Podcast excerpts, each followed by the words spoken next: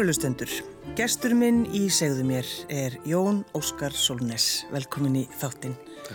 Hvað þýðir að vera gift diplomata? Það er spennandi líf og margan hátt. Það þýðir að maður fær að búa stundum í útlandum og kynast öðru menningarheimum. En það þýðir líka að, að eigin frami verður svona útundandaldið, sérstaklega þegar aldurum færist yfir en svona í heldina sé þetta ótrúlega spennandi og, og, og skemmtilegt búið að vera hjá okkur hjónum allavega mm. í þessi 25 ár sem að hún hefur starfað í, í þjónustunni. Þannig að það er sagt við því að þú ert giftið diplomata og þú þarf bara að sinna hvað, fjölskyldinni? Já, það, það er þannig að, að maður er alltaf upp á sig einan komin í útlandum og það þarf að keira í skóla og sækja og fara með á íþróttæfingar og, og reka heimili og og þess áttar, það er svona margt sem það er að halda utanum í útlöndum Já.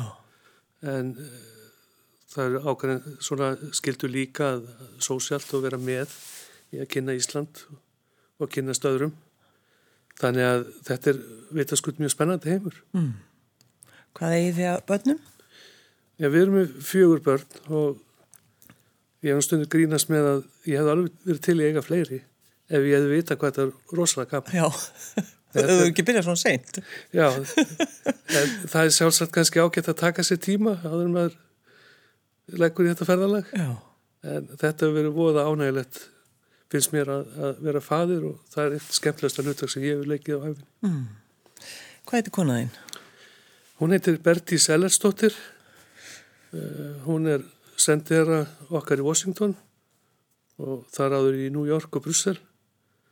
Þannig að það hefur verið við að koma við. Mm. Hvað heitir hana? Við erum gamlir emmeringar og ég, hún fór nú ekkert fram hjá mér í emmer sko.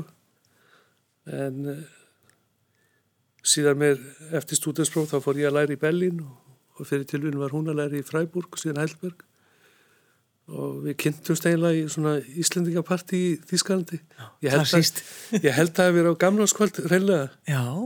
Já þannig að Og hvað, sást hann að alveg rétt þessi? Já, ég var voða ég fannst að gaman að sjá hann aftur. Já. Það ég kannski sá eftir því að ég hafi ekki reynd að láta til skara skrýða í MR en maður hefur kannski verið svo feimin á þessum aldri. Já.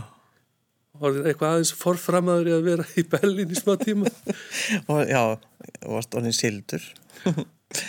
Jón uh, sko, Solnes nafnið Það er náttúrulega afiðinn, Jón G. Solnæs. Já, einmitt.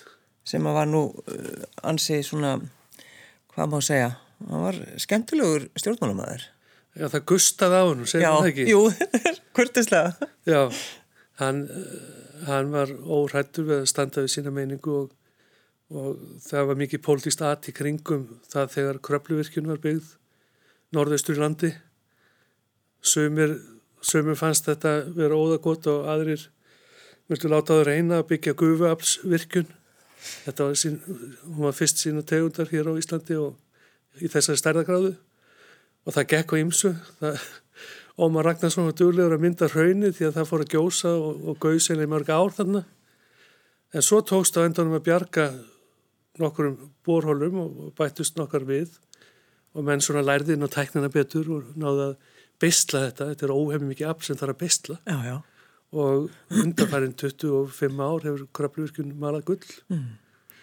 Hann var, sko, maður mann bara eftir honum, hann var alltaf í fréttatímanum, hann var, í, var alltaf verið að taka við hann viðtöl. Já, þetta var einmitt svo umdelt þetta mál og það, það leit, leit út fyrir um tíma þarna hefur gríðarlega fjárfesting bara heila að fara í vaskin. Já.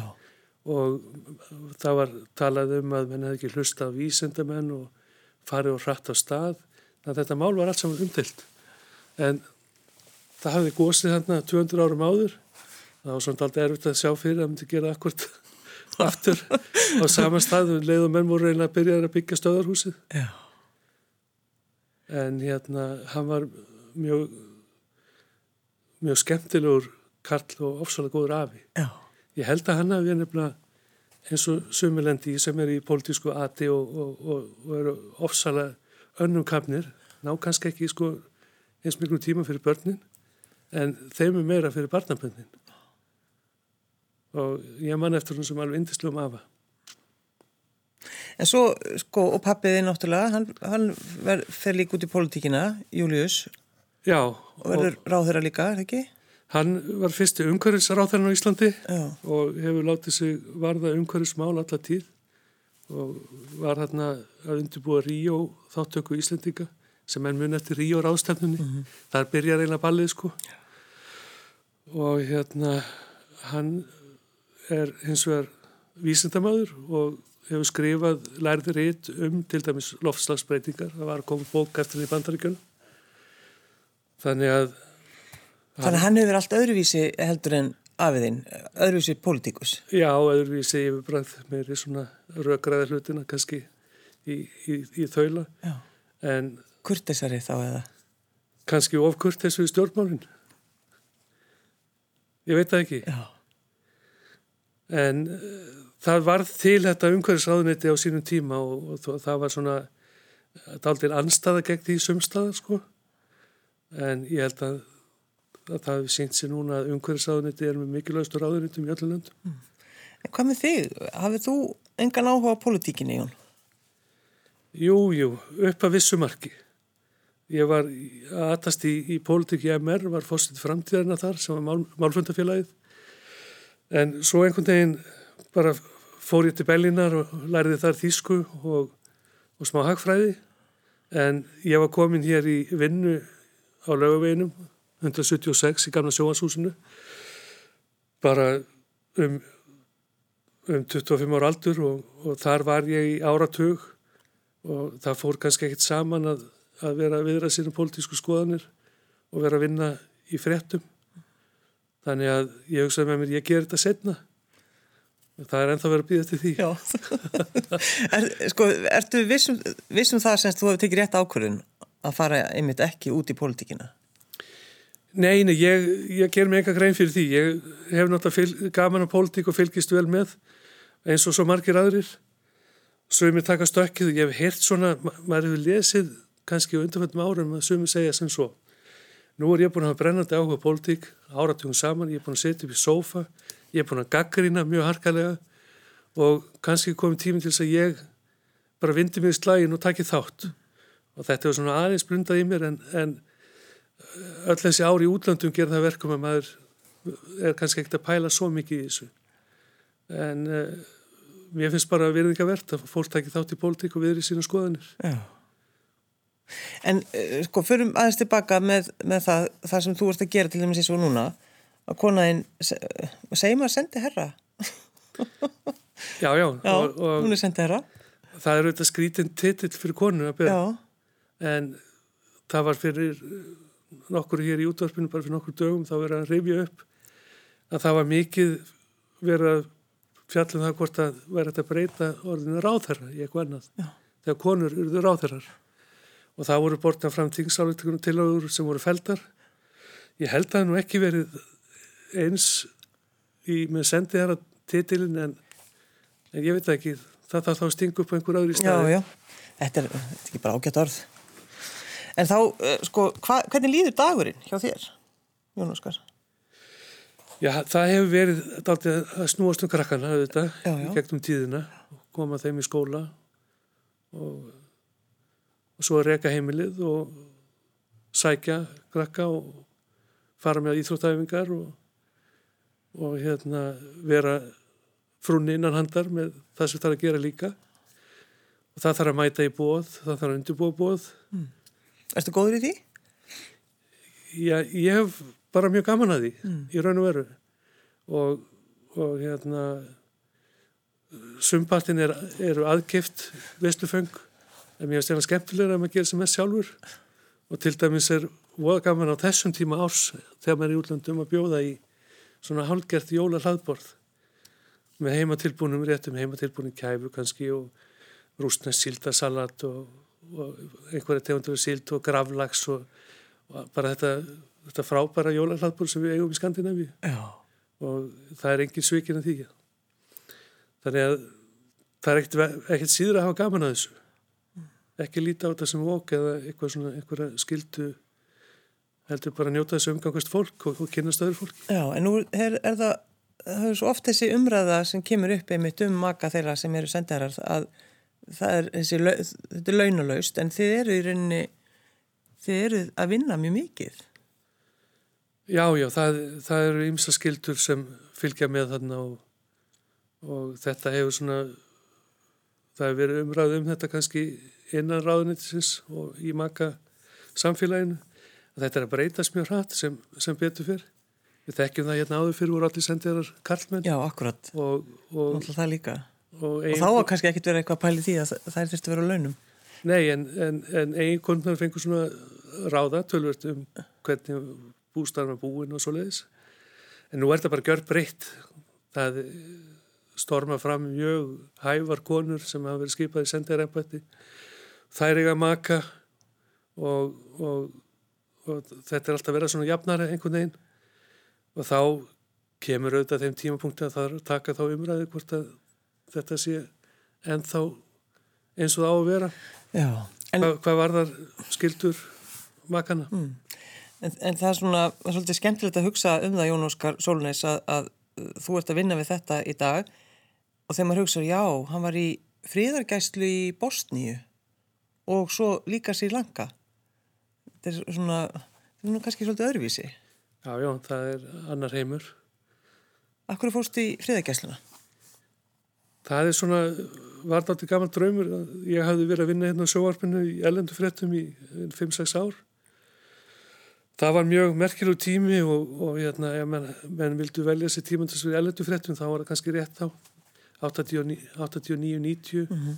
Þá hrinur öll östublokkin og öll svo hugmyndafræði.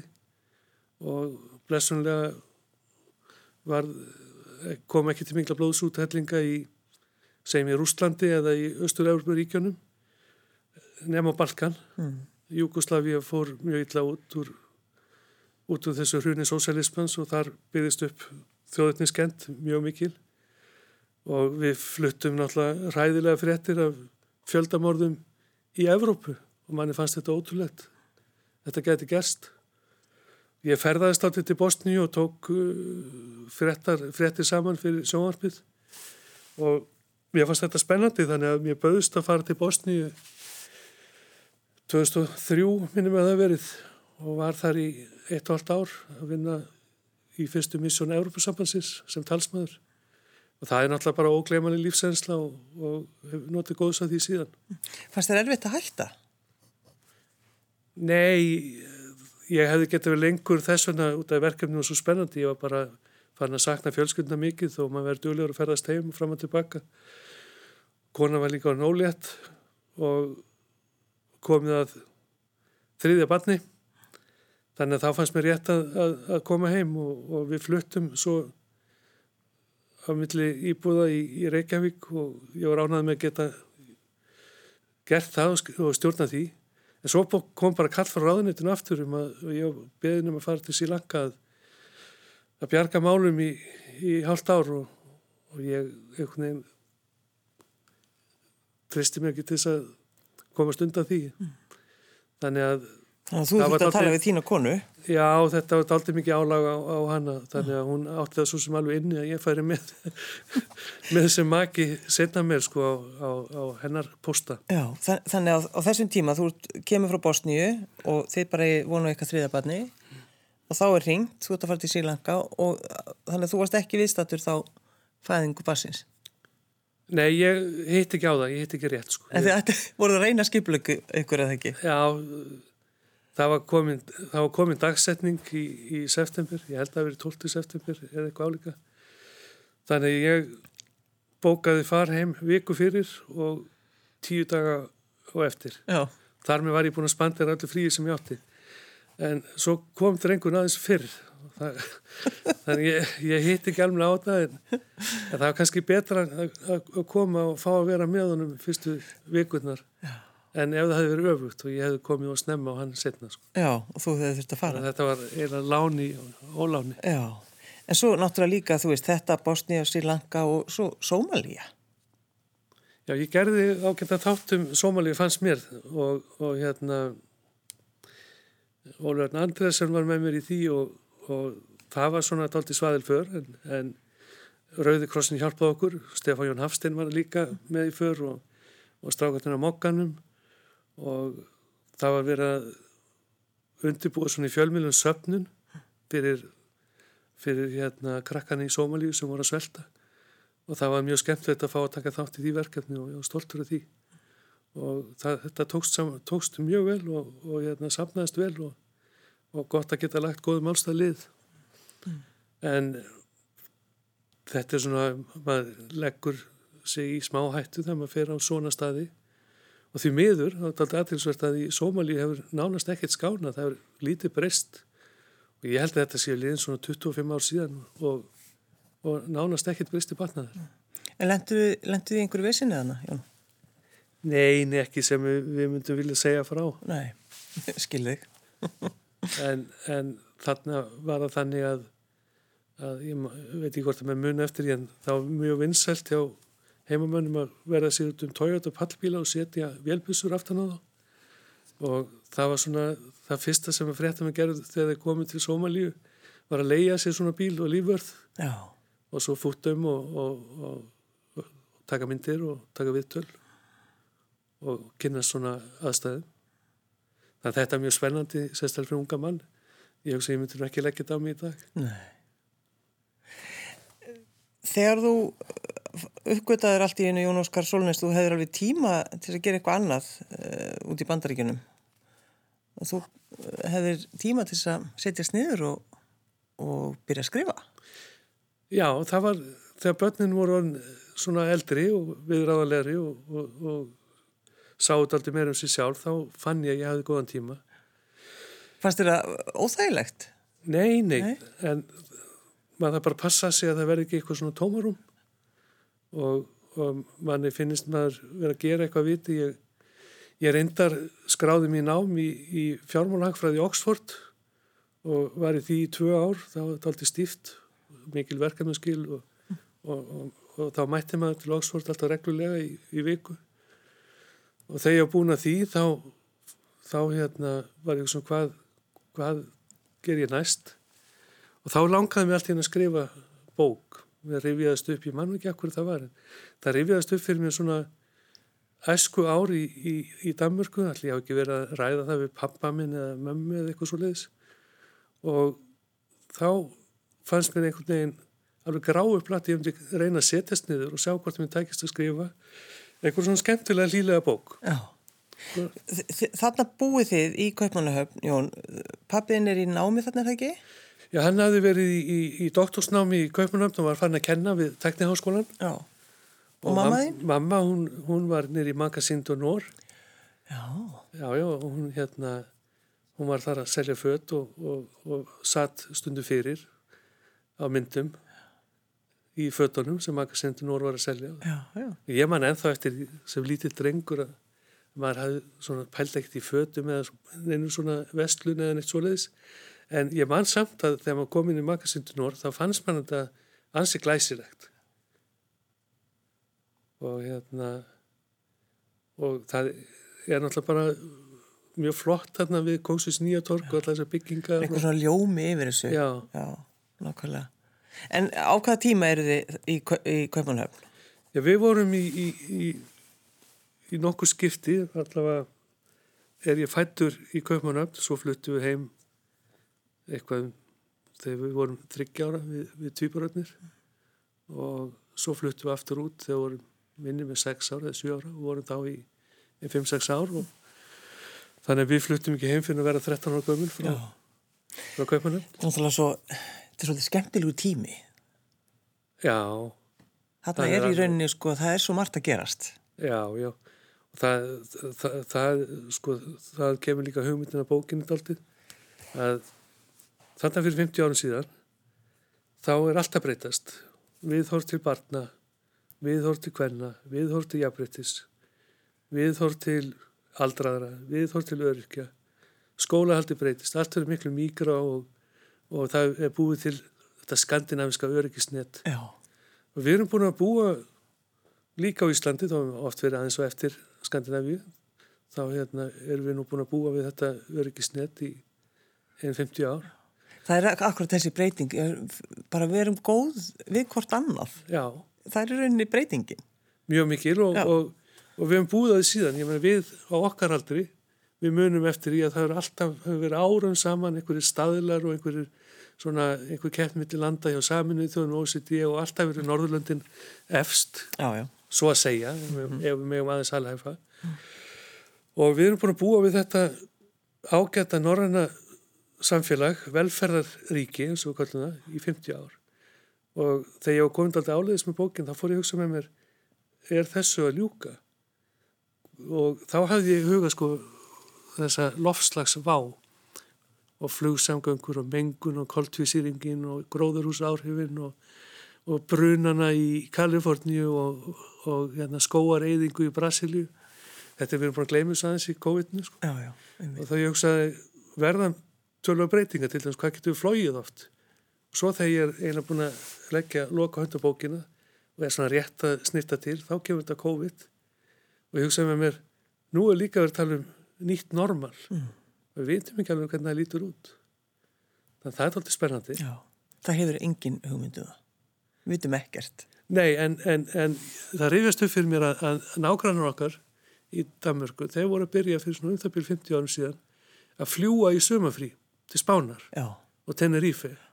Og þetta þótti aldrei nýstánlegt en svo hefur þetta orðið þannig að, að það er ekkert langt síðan bara fyrir nokkur árum að manni þótti ekkert mál að hoppa út á flugull og fljúa hérðan til Kaupmannanda, Stokkólms, Brussel, París Vínaborgar eða Bandaríkjana ekkert mál. Pældum ekkert í því. En núna langar mér svo til Kaupmannhandar að, að, að trillum gamla slóðir þar en það er einhvern veginn hendar ekki. Mm. Erstu góður að syngja?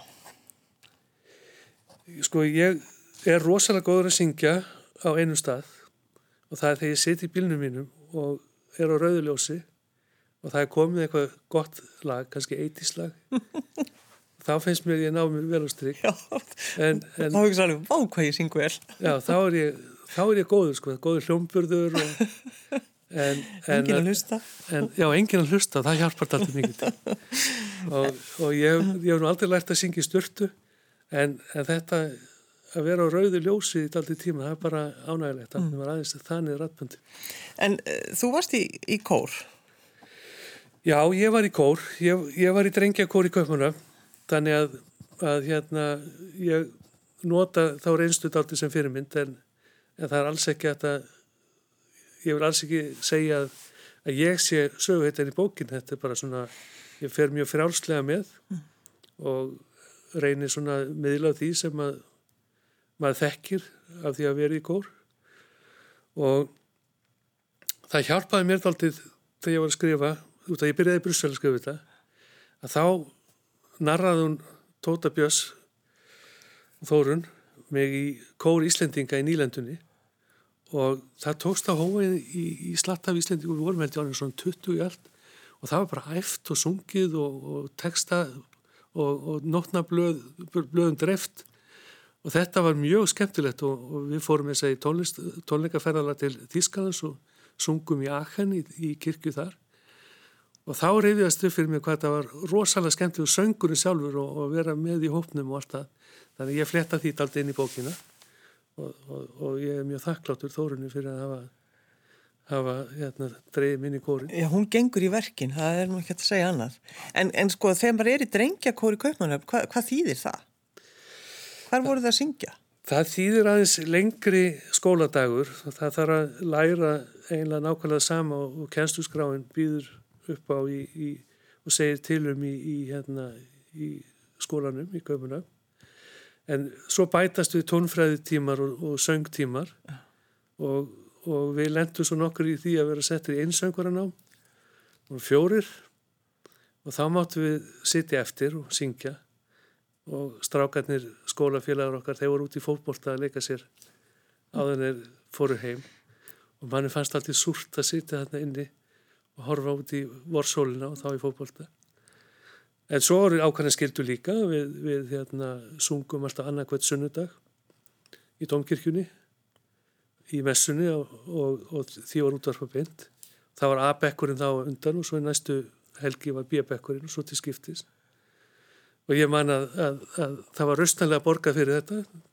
Það var ákveðið að við ættum að fá laun og fengum sjö krónur danskar Nú, fyrir að syngja. Og sjö krónur danskar það kannski hljómar ekki mikið í dag en, en okkur strákonum fannst þetta bara ágætt og hugsaðum með okkur sko það, það er hægt að kaupa tölvört mikið af, sko, sælgæti og svona hinn og þessu fyrir sjö krónur en ef maður sparar þetta saman í nokkuð skipti sko þá má nú alveg alveg máta sig við kannski ef við segja reyðþjóli eða eitthvað. Mm. en þetta var mikið kvartning sko. Og, og, og mér fannst, fannst alltaf gaman að, að, rifja það upp að strákandi komum hvaðan æfa að á höfuborgarsvæðinu í köpuna þannig að sunnundum komum þeir sko í stræt og hlaupandi í matrósafötunum sínum niður í Dómkirkju og hittust þar og fór upp á kirkjuloft og borðuðu epli og lásu andriðsblöð þá til græna ljósi kviknaði og þá var farið út á svalir og, og sungið sko. Og þá gáttu við hort á lítinn svona svartan skjá og það var skjár fyrir stjórnandan þannig að hann gætt hort á orgeleikaran hvernig hann var að spila og öfugt já, já, já, þetta var, þetta var mikið æfintýr en, en maður vandist þessu og hverju öðru verki Mm. og maður vaknaði og, og fekk sér te og svo lagði maður hanglaði yfir tebólan og andaði að sér sko gufum þess að rattböndin já, já. Þú tekið þessu mjög alvarlega. já, já það, þetta var bara eins og hverjanu plikt Já.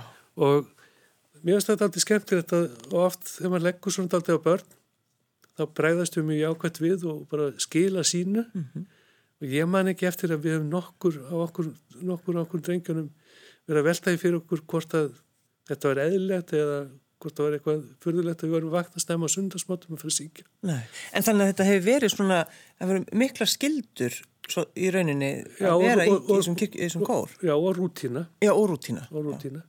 Maður getur oft lært heilmikið af því, Já, já, en, en svo er bara, er þetta aldrei gaman að fengi að þvælast um, sko, miðborg kaupunarna sem ungu strákur. Skólinn var, ég var í skóla niður rétt hjá Marmarkirkju, niður í Breiðgötu og Stóru Konginskaði, sem er ekkert langt frá Kóksins Nýjatorki og við leikum okkur skólafélagar eftir, eftir skóla út um alla miðborgina og svo fórum henni stræt og heimti sín í útkvæðin. Sko. Og var það þannig að, að, að því að var mitt sendt út uh, bara í ríkistörpið, danska, Já, já, messunar það ekki, jú, að jú, jú, þú varst alltaf að syngja í beinni. í beinni. Já. og það hérna er mjög gaman. Mér finnst mjög gaman að í beinni út af því að menn gera smá mistök en, en hugsa ekki of mikið og, og ég var svo heppin að vera undir handleðslu Bjarnar Fél þegar ég byrjaði í sjóvarpinu í sportinu Já. Og það var heldur betur beinar útsendingar og það voru beinar útsendingar frá kappleikjum og, og beinar útsendingar frá útlöndum og, og beinar útsendingar úr stúdiói og, og hérna, beinar útsendingar úr óbí-vagni nýra á lögadalsvelli og þannig að það er svona stór þáttur í mínu lífi að vera beinum útsending Já, nákvæmlega. Hvernig ætlið þið að halda jólinn, Jón Óskar? Já sko nú er, nú er frúin komin, nú er í sótt kví og hérna það háttar þannig til að, að við áttum okkur á því að, að við gætum ekki haldið jólinn í bandaríkjónum því að dætur okkar og elsta dóttirinn hún, hún fær ekki diplomata vegabrið, hún er alltaf orðin og gömul, það er nú ekki hluta sko, heimilsaldinu Já, þetta. Þannig við höfum getað haldið svona Zoom eða tím jól en, en, en ákvæmum að koma hingað heim og, og líka bara gaman að hitta vinn og vandamenn og, og bara æðislegt. Og svo hef, hef ég verið að reyna að kynna aðeins bókina en það er nú ekki heiklum hendi ástandinu. Yfirleitt erum við nú að lesa upp hér og hvar sko í desember. En allir, ég hugsa að verði nú ekki mikið af því núna. En það er bara frábært að fá að koma hingað heim og, og, og hérna komast í sund líka. Það er æðislegt. Og ég held að menn átti sig ekki alveg á því hérna kannski það hefur verið þetta erfitt ástand hér eins og annar staðar en, en mér finnst nú manni líður miklu betur hér. Þetta er ekki eins strámt sko og, og þegar þú sér hvernig ástandið er núna í löndunum í Evrópu þá má maður vera bara blessunlega fegin að vera hér. Og svo kemur kemur að því að það verður byrjað að bólusetja. En, en hvað þýðir þetta, ég, að, sko, þú er búin að skrifa þessa bók, Kórdrengur í Kaupanhöfn, ertu komið aðra? Ég er alveg vissum ég muni skrifa aðra bók mm. út af því að eins og ég segi, ég vil hafa eitthvað fyrir stafni og, og hérna ég hef ymsað hugmyndir, ég þóru bara ekki að segja það upp átt strax en hérna það er svo margt sem hættir að skrifa það er alveg ótrúlegt og, og hérna mér finnst að bara í þessu eins og öðru að, að manni fer fram ég þykist ímænda mér það mér fannst ég að miklu auðveldar með að skrifa þegar ég hef búin að skrifa í 2-3 ár sko. En þetta er alltaf puð og ég, ég verð að segja ég bara dáist að, að þessum reytöndum sem er reyna að lifa af þessu og, og hafa þetta sem atvinna að skrifa og, og komið svo gegnum útgjöfanda og komið svo markað í þessu pínum lilla samfélagi okkar og það er svo margi títlar og svo marga flotta bækur það er bara ótrúlegt sko. mm. maður verður svona halv auðmur þegar maður sér hvað þetta er flott allt saman en, en reynir að fá að vera með sem bóðflernandi Já, ég er hér. En þetta er ekki samt fyrsta bókiðinn þú skrifað aðra bók? Já, ég, ég held sko, ég skrifað þrjár bækur og, og ég held að getið var alltaf verið ólíkar, ég, þetta er einlega fyrðulegt samansamt. Því að hann kom að málu við mig, hann Jón Páll heitin Segmarsson, mm. gamla daga þegar ég var í sportinu og spurði hvort ég var til að skrifa svona unglingabók fyrir sig um hann. Og ég var alveg til í það, maður segir nokkið nei, það er svona öðlingur á ferðinni og þá skrifaði ég stuttabók og hún fjallaði svona um hans afreg í, í, í keppni sterkast maður heims og, og svona. Og hún gekk ágætlega. Svo skrifaði ég næstu bóku mörgum árum setna og þá þá hafði ég verið á Sílanka í, í tvígang og hérna hafði fræðist, fræðist svo mikið um, um ástandi þar að mér fannst ég byrja skilda til að skrifa um upplifum mín á borgarastyrðinu í Sílanka mm. Og svo bók var hugsað fyrir Asjumarkað, aðalega Indland og Sílanka og gekk ágætlega þar. Mm. en átti svo mikið mikið erindi landsmenn hér kannski. Eh, Nefnum ég, ég reynda að skrifa hann þannig að fólk gæti skiljaðan en, en sögumir á að segja þetta er aldrei erfitt að fatta sko hvað er það gangi. Já. en ég átt alltaf stoltur af þeirri bók því að það var mikið vinna sem laði hana líka. Þú ert í, í bókinni nefnitt að rifja upp alls konar uh, skemmtilega hluti sem að fólk kannast við eflust sem að hafa búið í Kaupanahöf þannig að það er, þetta er svona það er svona rifja upp svolítið skemmtilega hluti frá því þegar fólk býr þarna í kringu 70 Já, sko, það var þúsundir Íslandingar búið í, í Kaupanöfnum lengur eða skemmri tíð. Og hérna, ég man eftir við vorum í Íslenska skólanum á Sunnudöfum nýri í Jónshúsi. Já, já. og það var að vera að banna okkur börnunum að tala saman á dansku við gerðum það stundum og, og, og ég var vonast til að, að þeir sem hafa búið í, í, í Danmörku margir hverjir hefðu bara ánægjaði að lesa bókina og, og rifja upp. Ég reyna aðeins að lýsa sögusviðinu svona. Mm og, og hérna, það er alltaf erfitt að fanga kannski hlut sem gerðist fyrir 50 árum síðan en ég hef fengið svona ymsa meldingar og til dæmis á Facebook það sem fólk er að lýsa ánægisinu með að hafa lesið þetta. Mm. og það eru gamli hafnastúdendar það þykir mér óskaflega væntum Jón Óskar Solnes Takk fyrir að koma. Takk fyrir að mig.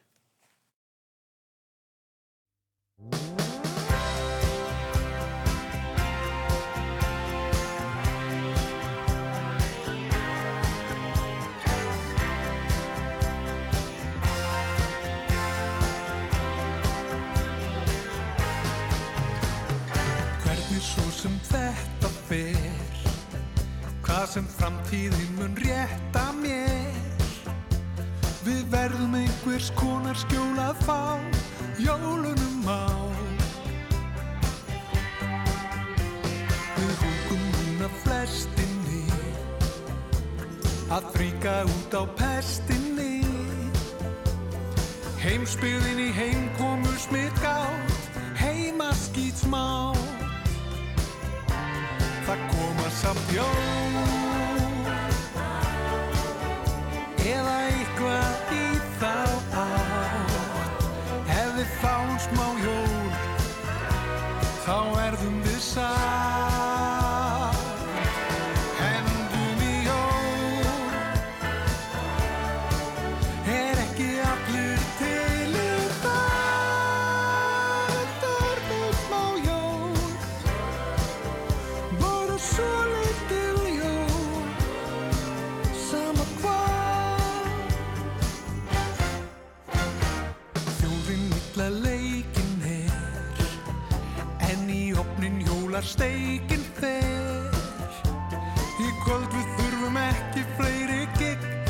hamborgarrygg